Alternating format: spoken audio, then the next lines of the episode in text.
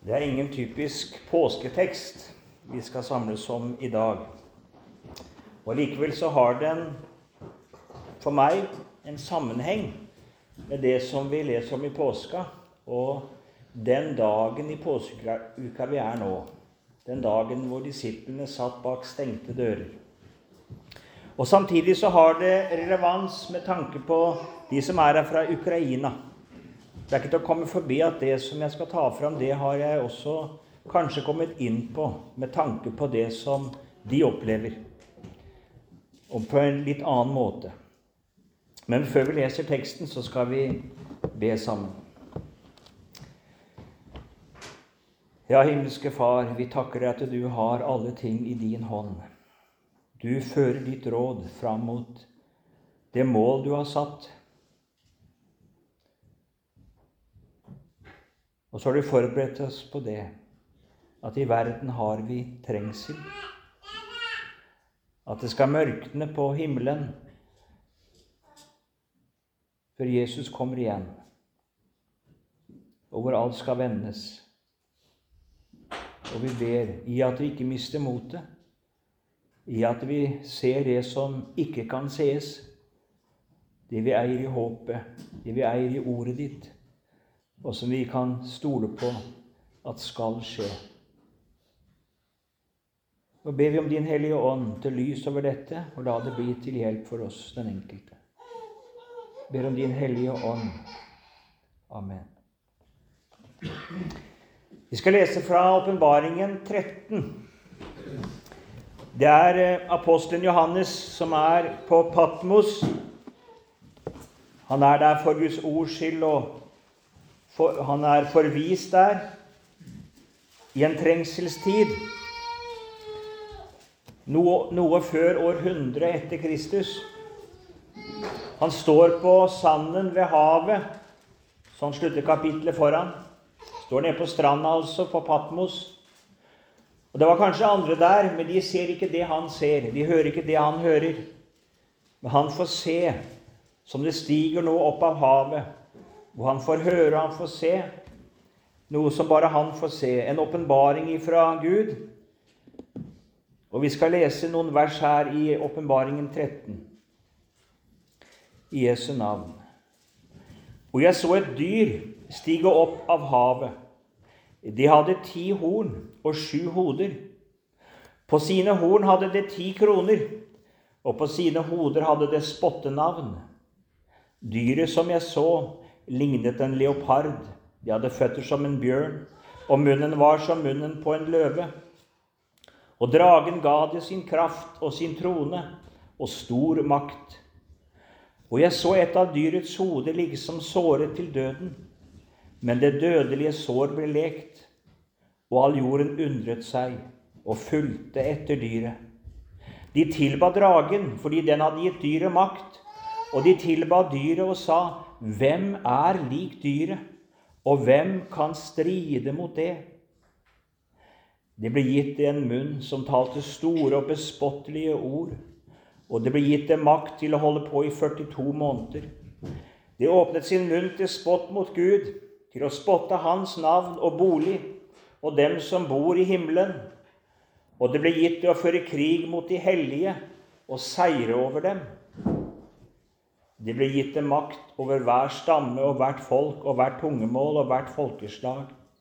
Alle som bor på jorden, skal tilbe det. Hver den som ikke har fått sitt navn skrevet i livets bok hos lammet, som er slaktet fra verdens grunnvoll ble lagt. Dersom noen har øre, han høre. Om noen fører i fangenskap, han går i fangenskap. Om noen dreper med sverd, han skal drepes med sverd. Her er de helliges tålmodighet og tro. I går var vi samlet om Jesu død. I morgen skal vi samles om Jesu oppstandelse. På påskeaften så lå Jesus i graven, og disiplene var mismodige. Alt var på en måte over. Alt de hadde satt sin lit til, alt de hadde håpet på. Det gikk ikke slik. Nå var det mørke. Nå var det motløshet. De hadde satt sin lit til Jesus, men nå, lå han død og begravet. Sånn var det. Sånn er historien. Men det er mer enn en historie. Gud han har gjort det slik i sitt råd at det som skjer, det har en, ikke bare en tendens, men det gjentar seg ofte. Det er noe profetisk i det som skjer. Og Det er ingen tvil om at det også er noe profetisk i det som skjer ved Jesu død. Vi kan sette på mange sider ved det. Jeg skal ikke nevne mye av det. Altså, men, men, disse som samler seg Her møter vi Pilatus. Her møter vi Det høye råd. Det er en forening her av religiøse ledere, politiske ledere. De samler seg mot Jesus. Og det skal være på den samme måte i endens tid. Det politiske og religiøse ledere i verden skal samle seg mot troens folk. Og det skal gå på samme måte. De seiret tilsynelatende over Jesus. Og sånn leste vi det her. De skal seire over de hellige.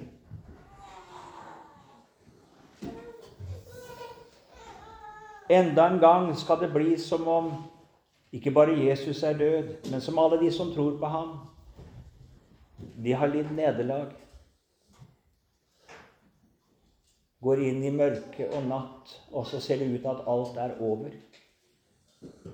Og det er mørket som vinner og seirer.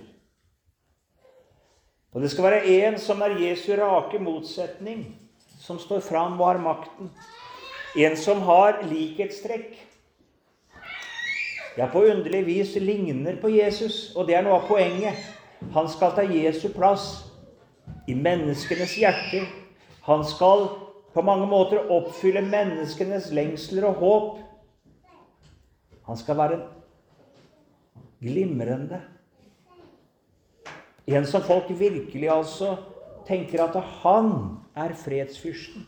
Han er vår redning. Han er den vi har ventet på. Men han står åndelig Jesus rakt imot. Han er hans dypeste motsetning. Antikrist kalles han i Bibelen. Her kalles han dyret, men det er det samme. Det er antikrist. Jesus, han er lammet som dør og gir sitt liv for sine. Han her skildres som et rovdyr. Leopard, bjørn, løve. Det er på mange måter her samler i seg alle verdensrik som har vært, fra de første til de siste. Han skal representere den ånd som har vært i dem. Kan si fra Babels tårn, gjennom det asyriske riket det babylonske riket, det persiske riket, det greske riket, det romerske riket. Det er den samme ånd som møter oss i dette rovdyret. Jesus var et fattig menneske. Han hadde ingen skikkelse, han hadde ingen herlighet, som står det om Jesus.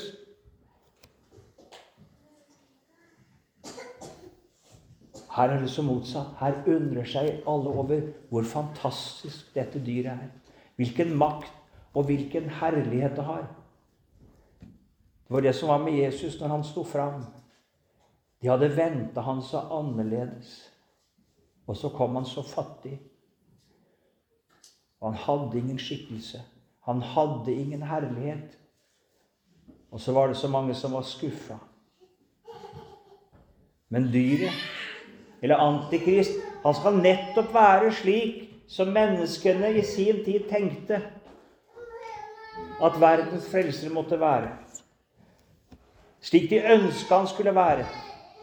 Og slik menneskene til alle tider ønsker at Jesus skal være mektig, stor, lovprist av alle. Jeg tenker på det når jeg ser de store katedralene. Disse monumentale byverkene. Hva er det menneskene vil? Jo, de vil fortelle det at kristendom er makt og storhet og herlighet. Og det er gull, og det er purpur. Ja, for sånn vil vi mennesker ha det. Og så bygger vi megakirker, ikke sant? for vi vil at kristendommen skal være stor.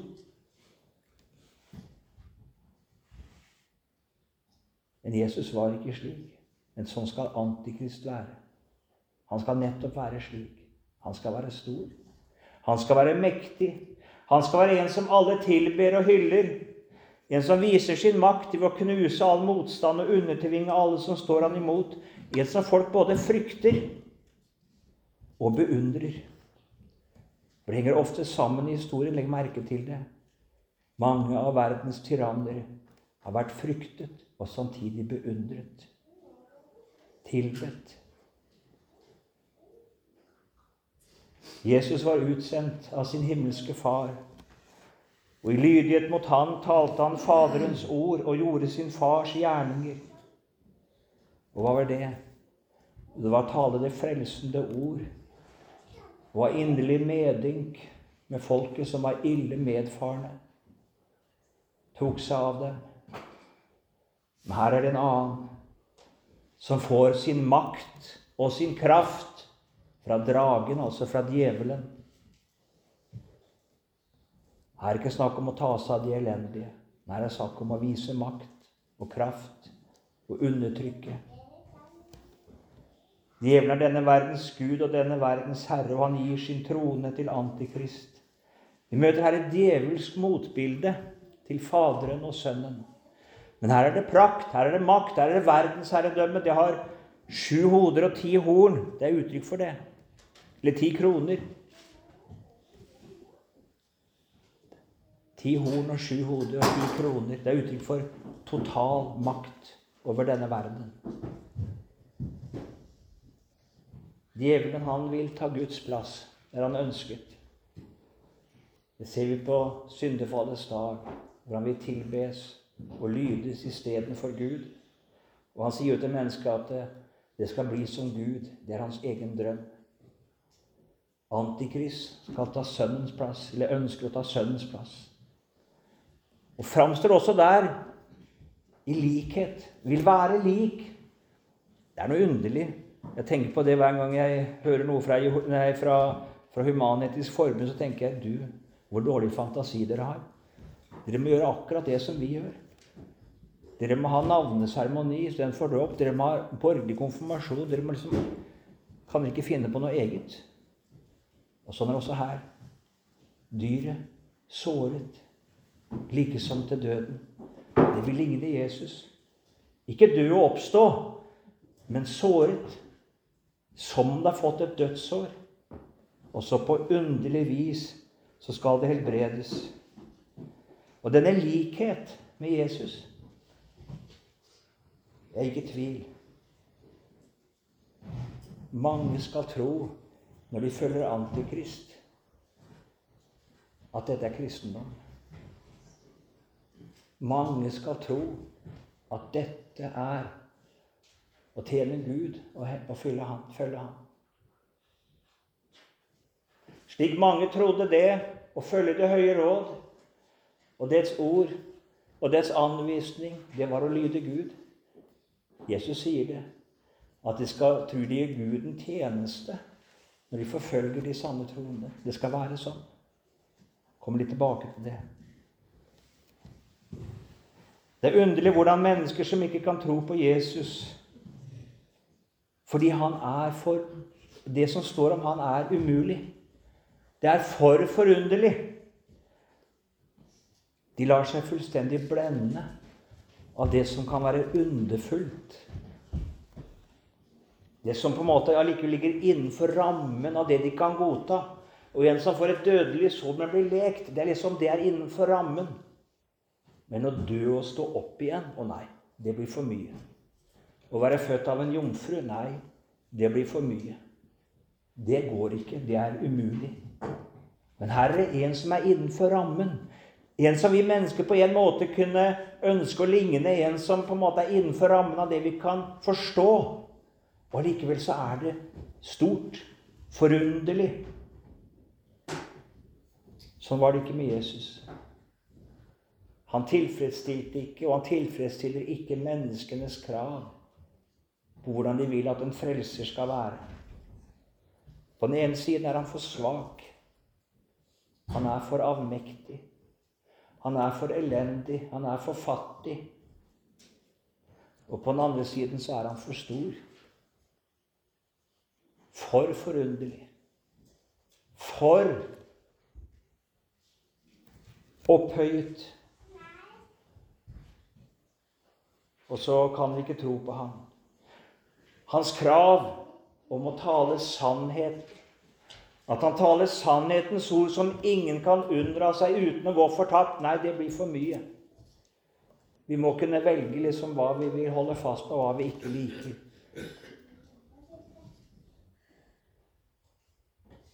Det blir for høyt. Det blir for strengt. Nei, vi vil ikke ha en sånn Jesus. Og på den annen side så er han for svak. Hans lidelse og død, det er for lavt, det er for vulgært. Det er liksom det. Nei. Det kan vi ikke se noe stort i. Det svarer ikke til den frelse som menneskene vil ha. Jesus gjorde under og tegn. Det var tegn. Han ville egentlig tale om noe annet og noe mer, men det var tegn og bilder. Men folk ble hengende ved, brødundre, ved tegnene, ved undergjerningene.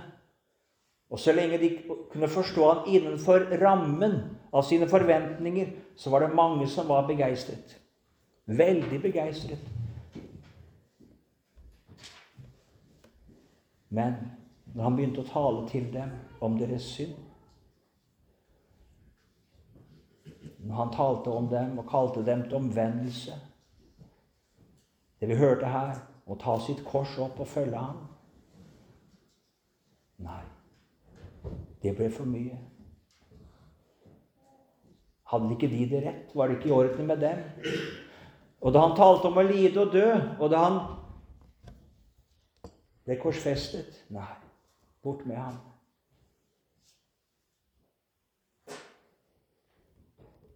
Sånn er det ikke med Antikrist. Nei, han skal være akkurat sånn som menneskene ønsker at en frelser skal være. Han vil ha den fryktinngytende makt som menneskene beundrer som de skjelver for, og samtidig ha noe mystisk og underfullt ved seg, som gir han et ja, et guddommelig skinn. Ja, for det er bare skinn. Det er bare falskhet. Det er ikke noe guddommelig ved han. Det er menneskelig. Han er bare et menneske. Og likevel et menneske de kan på en måte løfte opp, og som de kan beundre. Det finnes en kristendom i dag.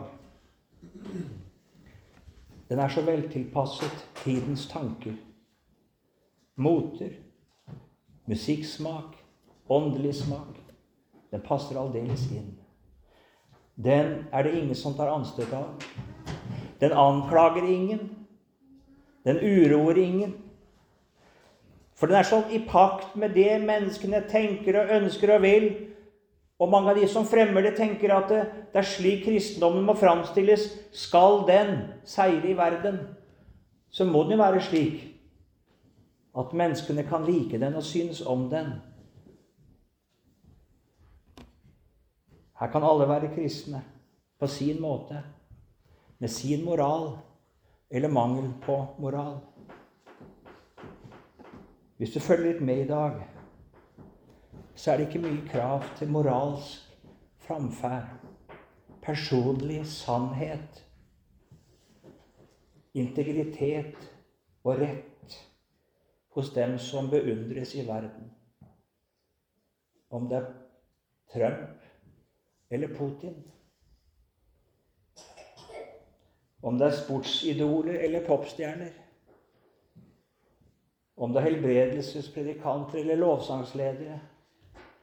Jeg vet ikke hvor mange av de som har tatt med buksene nede. Om økonomisk utroskap, og med løgn og bedrag. Og så spiller det som ingen rolle. For de lykkes jo. De har jo framgang. De samler jo masse mennesker. De får jo gjennomført noe. Det skjer jo noe. Og så er det ikke så farlig med alt dette. sannhet og rett? Nei.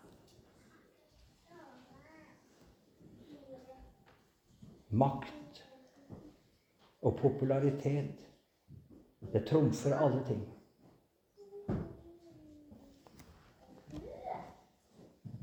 All jorden undret seg og fulgte etter dyret. De tilba dragen fordi den hadde gitt dyret makt. Og de tilba dyret og sa, 'Hvem er likt dyret?' Og hvem kan stride mot det? Merk deg ordene. Hvem kan stride mot det? Det er det som er det slående. Det er det som på en måte trumfer alle ting. Det virker uovervinnelig. Det virker som dette er det seirende. Dette er det som på en måte kommer til å gå igjennom og vinne. Det nytter ikke å stå imot det. Her gjelder å tilpasse seg. Og så følger vi det. Det vil koste så mye å stå imot det. Det var teologistudent. Jeg skal ikke si hvem det var. Men så kom det en bort til meg og ville gi meg et råd. Og så sier han det til meg. Han vil være en konservativ teolog, han som sa det. Men han sa det. Du må ikke ha så mange prinsipper. Du kommer til å få det så vanskelig.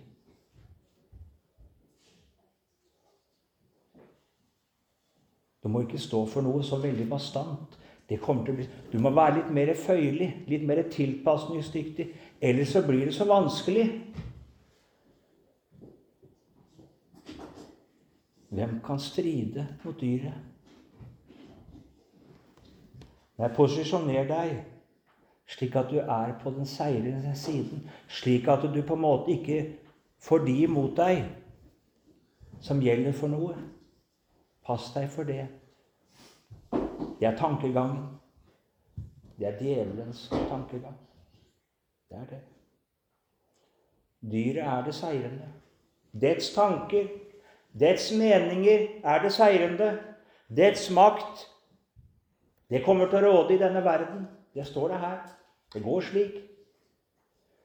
Så tenker mange da følger vi det. Da tilber vi det. Og så spør vi ikke etter sannhet. Vi spør ikke etter rett. Vi spør etter bare hva som får gjennomslag. I slutten av kapittelet så står det om dyrets merke på hånd og panne. Jeg skal ikke si mye om det.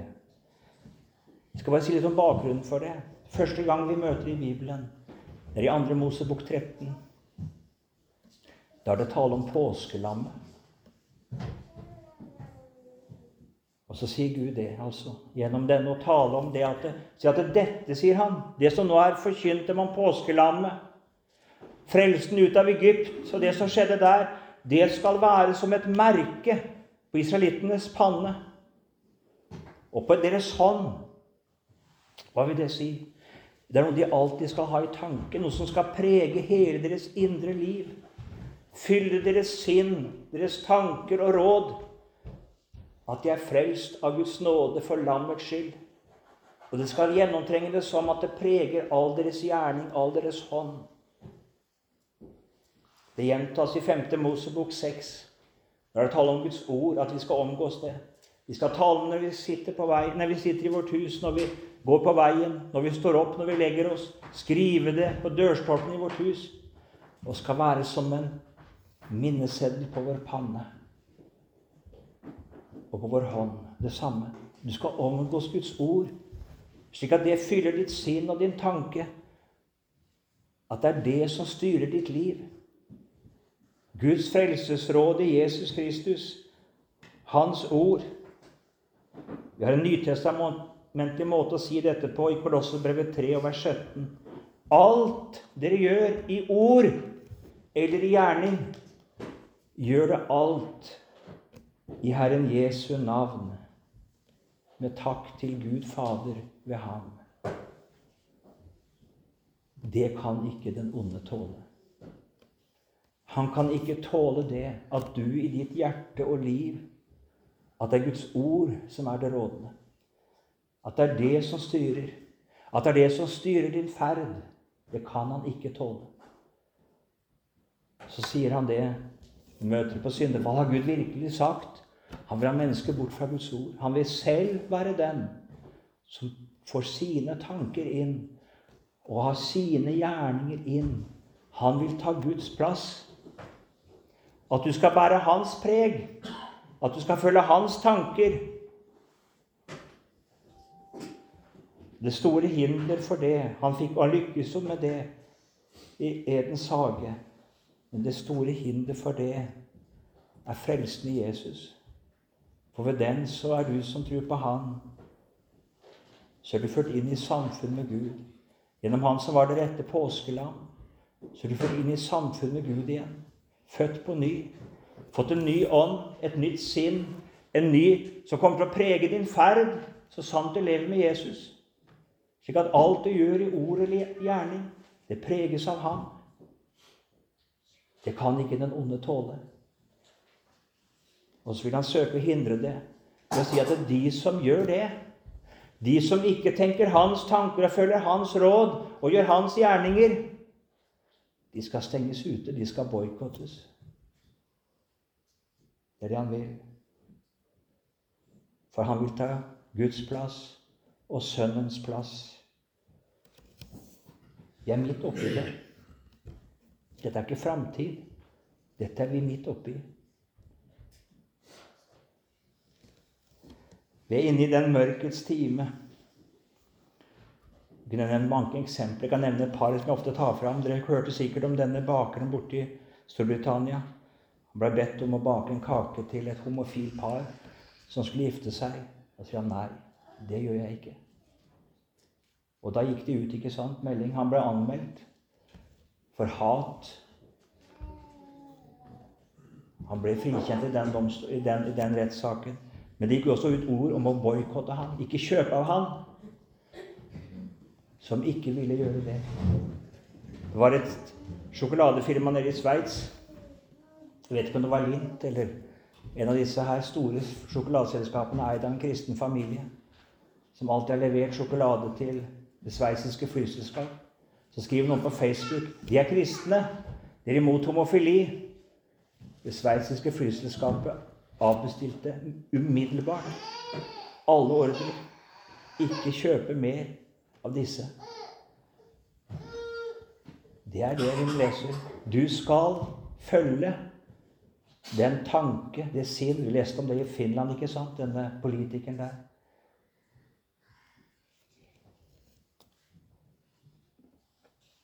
Djevelen søker gjennom tidens antikristelige ånd å bryte ned Guds skaperordninger. At mennesket er skapt som mann og kvinne. Han vil bryte ned selve kjønnspolariteten, ekteskapet, selv en grunnleggende basis for det gudgitte menneskeliv. Og han som er en manndraper fra begynnelsen, han som sto bak både barnedrap i Egypt og i Betlehem. Han søker i dag å drepe barna i mors liv. Han er kommet for å stjele og myrde og ødelegge. Og hvis du står imot dette, da skal du merke rovdyret. Jeg husker søstrene mine var inne på en antiabortaksjon inne i Oslo. De kom ganske forferda tilbake. De hadde sett noe av rovdyrtennene når de gikk denne stille demonstrasjonen. Da hadde de møtt noe av hatet og fiendskapet. De var ganske skremt. Det som er kvinnens rett, det var ganske så dyrisk, det de møtte. Men det djevelen krever, og det som Antikrist krever, at denne livsødende ideologi den skal aksepteres av alle. Det skal du følge i ord og i gjerning. Hvis ikke så skal du boikottes. Vi er i begynnelsen av det. Det skal bli langt verre. Den personlige antikrist har så langt jeg kan se, ikke stått fram. Han har ikke tatt makten i verden, men det kommer. Og den antikristelige ånd som forbereder han. Han skal stige opp av havet, leste vi. Og det er ikke bare havet utafor Patmos, som Johannes så. Det er også et bilde uttrykk for han skal løftes fram av folkehavet. Han skal uttrykke den ånd og den tanke og det sinn som er i menneskeslekten og gjennomføre den tanke og den ånd som den er gjennomsyret av. Han vil stå fram som det som menneskene tenker at dette trenger vi. En som med makt og med kraft gjennomfører det og undertvinger det som står imot. En som tilsynelatende skaper orden og fred mellom menneskene. En som alle kan samle seg omkring, som kan skape fred og enhet. Et nytt Babel hvor alle står sammen. Det er bare noe som er utelukket det er de som taler om at det finnes en sannhet. Ikke én sannhet blant mange, men sannheten. At noe er sannhet, og noe er løgn. At noe er rett, og noe er galt. At noe er synd, og at det kommer en dom. For her vil menneskene leve. Her kan de få leve som de vil. Han kalles også lovløsheten. Lovløshetens menneske, syndens menneske. Du kan gjerne leve som du vil, du kan tro hva du vil, men du kan ikke stå fram og si at dette er sannheten, og at én er sannheten, og at det andre er løgn. Det kan ikke tåles. Det kan ikke tåles. Nei, her vil djevelens ord har Gud virkelig sagt, eller Pilatus' ord. Hva er sannhet? Det vil bli opphøyet til den største visdom. Og Kan du lese ledelsesfilosofi da, så er det det som forkynnes i dag. En god leder i dag, han har ingen absolutt sannhet. Men han lar hvert eneste menneske få lov til å leve ut det som det opplever som sannhet. Realisere sin egen på en måte, det man føler er rett. Og så er det ingen sant. Det er den tankegang som i dag råder i psykologien, i ledelsesfilosofien. Det er én ting som ikke kan tåles. At noe er sant, og noe er løgn. At noe er rett, og noe er galt. Har Gud virkelig sagt? Det har blitt menneskehetens tanke. Den antikristelige ånd blir dominerende, slik at ikke bare dyret selv, men også menneskene generelt, de åpner sin munn til spott mot Gud til å spotte Hans navn og bolig og dem som bor i himmelen. Menneskene kommer til å fryde seg. Endelig. Endelig. Så er vi ferdig med anklagen. Det er det store problemet i dag for mange. De sier at det, er det som gjør det så vanskelig, det er det at noen sier at dette er synd. Derfor er det disse lovene. Er, vi, er det mange som sier det at homofili er synd? Er det et stort problem for menneskene? Det holder at det er noen få som gjør det. Det kan ikke tåles. Og vi skal ha frihet. Og vi skal ha aksept. Hvorfor vil man bli velsignet og gifte seg i kirke? Fordi man er så kristelig? Nei. Men man skal ha aksept. Man kan ikke tåle at noen sier at dette er synd. Og Så kommer den dagen hvor man skal endelig tenke man, nå har vi, nå har vi seiret. Nå har vi, nå har vi lykkes. Og så spotter man Gud. Man spotter det evige liv. Og man spotter de som er i himmelen. Man spotter troen på at det finnes en evig frelse. Hele perspektivet blir denne side. Det er her og nå. Og de som seirer her og nå, det er de som seirer. Å ha det godt og ha fred og forfølge sin lyst her og nå, det er alt. Og at det finnes et evig liv, en evig frelse, en Gud i himmelen? Nei. Det spotter vi med stor frimodighet. Og det skal gis dyr og føre krig mot de hellige og seire over dem. Vi går ikke mot en tid med store vekkelser. En tid hvor mange skal bli omvendt, og Jesus skal seire her på jorden. Vi går mot en tid hvor Antikrist skal seire. Over de hellige. Til glede. Og menneskene skal glede seg. Endelig. Endelig er vi kvitt dem. Endelig kan vi leve som vi vil uten at noen uroer oss. Endelig. Det står i kapittel 11 om to vitner. De skal sende hverandre gaver, står det. Å, de er så glade. Endelig!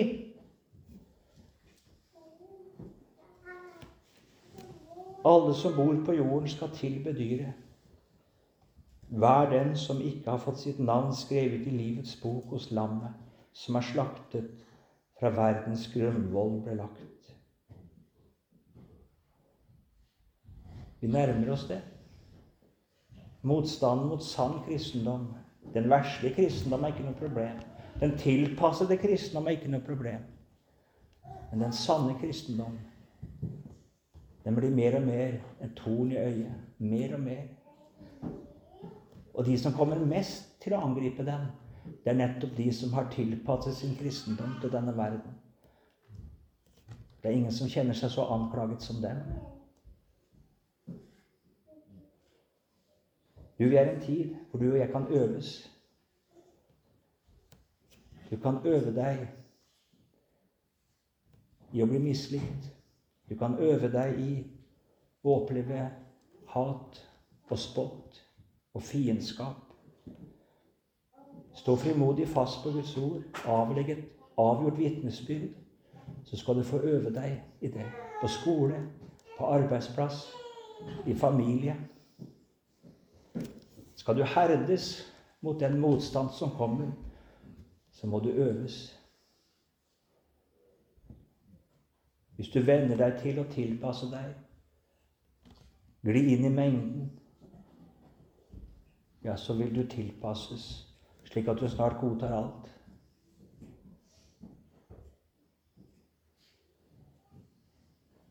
Mange kristne i dag er febrilsk opptatt av å framstille kristendom på en sånn måte at verden kan synes vel om dem. Å være så tolerant som mulig, så tilpasnings- og akseptabel og attråverdig. Det kan de bare ved å slå av på sannheten. Det kan de bare ved å unnlate å ta fram det i Skriften som støter an imot tiden, og omtolke det som tilsynelatende er i pakt med dagens mennesker. Og de forstår ikke det, at det de er i ferd med, det er å ta dyrets merke på sin panne og på sin hånd. Det blir ikke tvunget på noen. Det tar mennesket på seg. Gå ikke på den veien. Vi formanes i Skriften til å gå til Jesus utenfor leiren og bære hans vanære. Det står i brevbrevet. Øv deg å følge Han. Ta ditt kors opp som hørte til åpning. Det er en lidelsesvei. Det er en dødsvei for selvlivet. Det er det. Det er ikke på politikkens vei eller på, gjennom sverd og kjødelig kamp vi skal seire. Det skal nok heller brukes mot oss. Det er ikke galt i denne verden, i det riket, altså som vi kan kalle for samfunnet og politikkens rike i det regimentet og bruke sverdet. Hadde jeg vært ukrainer da, så skulle jeg båret det med god samvittighet og kjempet så godt jeg kunne. Men på det åndelige området, i denne kampen vi taler om nå, da har vi bare ett sverd, og det er Guds ord. Det er både vårt forsvarsvåpen og vårt angrepsvåpen. I denne kampen har, Peters, altså, har vi like lite bruk for Peters sverd som han brukte i Getsemane. Der har vi lite, der har vi intet å vinne gjennom politiske vedtak. Mange tenker det at de skal berge kristendommens plass og liksom holde et rom gjennom politikken. Nei. Det gjør du bare ved å holde fram Guds ord, leve som en sann kristen. Her er de helliges tålmodighet og tro, står det.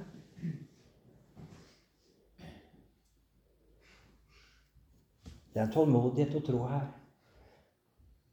Det er en tillit til Jesus midt i det mørke, når alt mørkner til.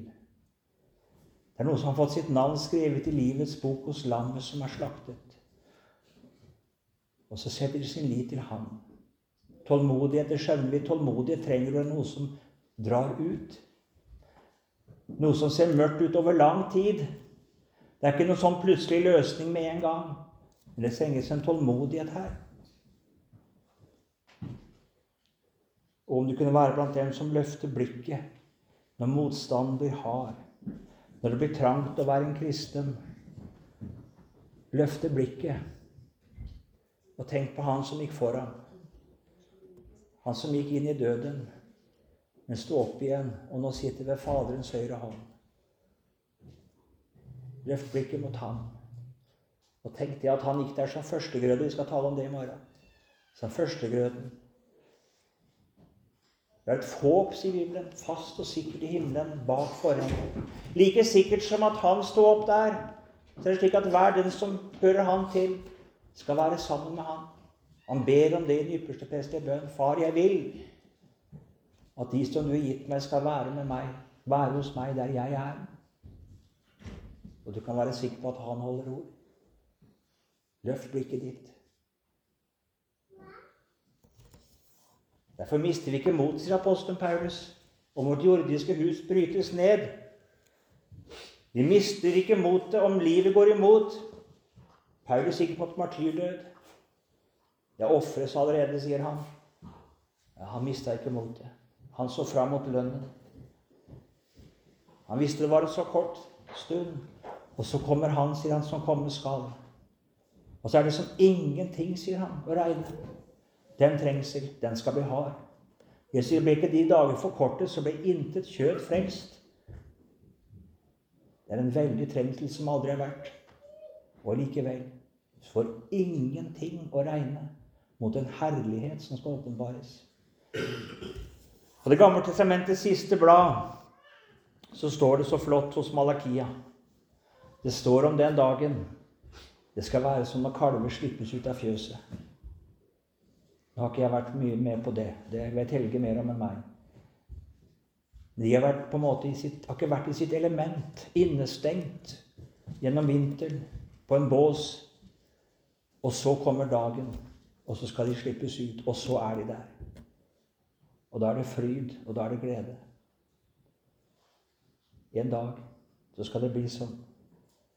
Disiplene de satt bak stengte dører på påskeaften. De var mismodige. De var redde. Det var mørkets time og mørkets makt. Det så, så, det så ut som de hadde tapt på alle fronter. Jesus lå i graven. De var en liten flokk. Ingen makt og ingen herlighet. Bare elendighet. Men de var de rike. De var de salige. De var det. Det så ikke sånn ut. Men var det noen det er grunn til å misunne, så var det dem. Salige, sier Jesus, er de som nå sørger. De skal trøstes. Salige er de fattige i ånden. Himlenes rike er deres. Det så ikke sånn ut. Men så står Jesus der, midt iblant dem, og så sier han 'Fred være med dere'. Tenk en dag så skal også den som hører Jesus til, nå fram til det. Så er det ikke å undres over at spotten, spotten, det gjaldt Gud. Det gjaldt Hans navn, Hans bolig og de som bor i himmelen. Hvorfor det? For er det noe djevelen vil ha deg bort fra å regne med, så er det å regne med Gud, regne om Hans bolig og de som bor i himmelen. Han vil ha deg til å se her. Og da ser vi ut som vi er de fattigste av alle mennesker. Men ser du opp Tenk å ha Gud til far. Tenk å ha himmelen til arv. Tenk å ha Jesus til bror. Tenk å ha løftet om et evig liv. Kan du være rikere enn det? Og så må du se på det. Jeg tar fram dette, for jeg tror det at det vi leser om her, det som er påskeaften, den situasjonen, den skal komme igjen. Og hvis ikke vi har vårt blikk i ordet, ikke som Asaf går inn og ser i Guds helligdom, ser inn i ordet, ser inn i løftene Hvis ikke vi løfter vårt blikk mot himmelen, da kommer du til å tilpasse deg denne verden. Da kan du løfte ditt blikk. Han sier det, brorsom. Når himmelen blir oss lys og kjær og yndig, da blir Herrens hær i striden myndig. Da, da styrkes vi ved håpet. Ja, kjære Jesus, vi ber om det. Takk at du har gått foran oss. Du har gått gjennom døden. Det er utgangen fra døden for den som tror på deg. Du har ikke lova oss himmel her på jord. Du har sagt i verden har dere trengsel. Men vær frimodig, sier du. Jeg har overvunnet verden. Du er mektig til å føre dine gjennom dødsskyggens dal, gjennom Tåredalen og helt fram. Og vi ber rett vårt blikk mot deg. Gjør oss fast urokkelige, alltid rike i Herrens hjerne. Rike i deg, Jesus, og rike i vandringen med deg. Vi ber om det. Amen.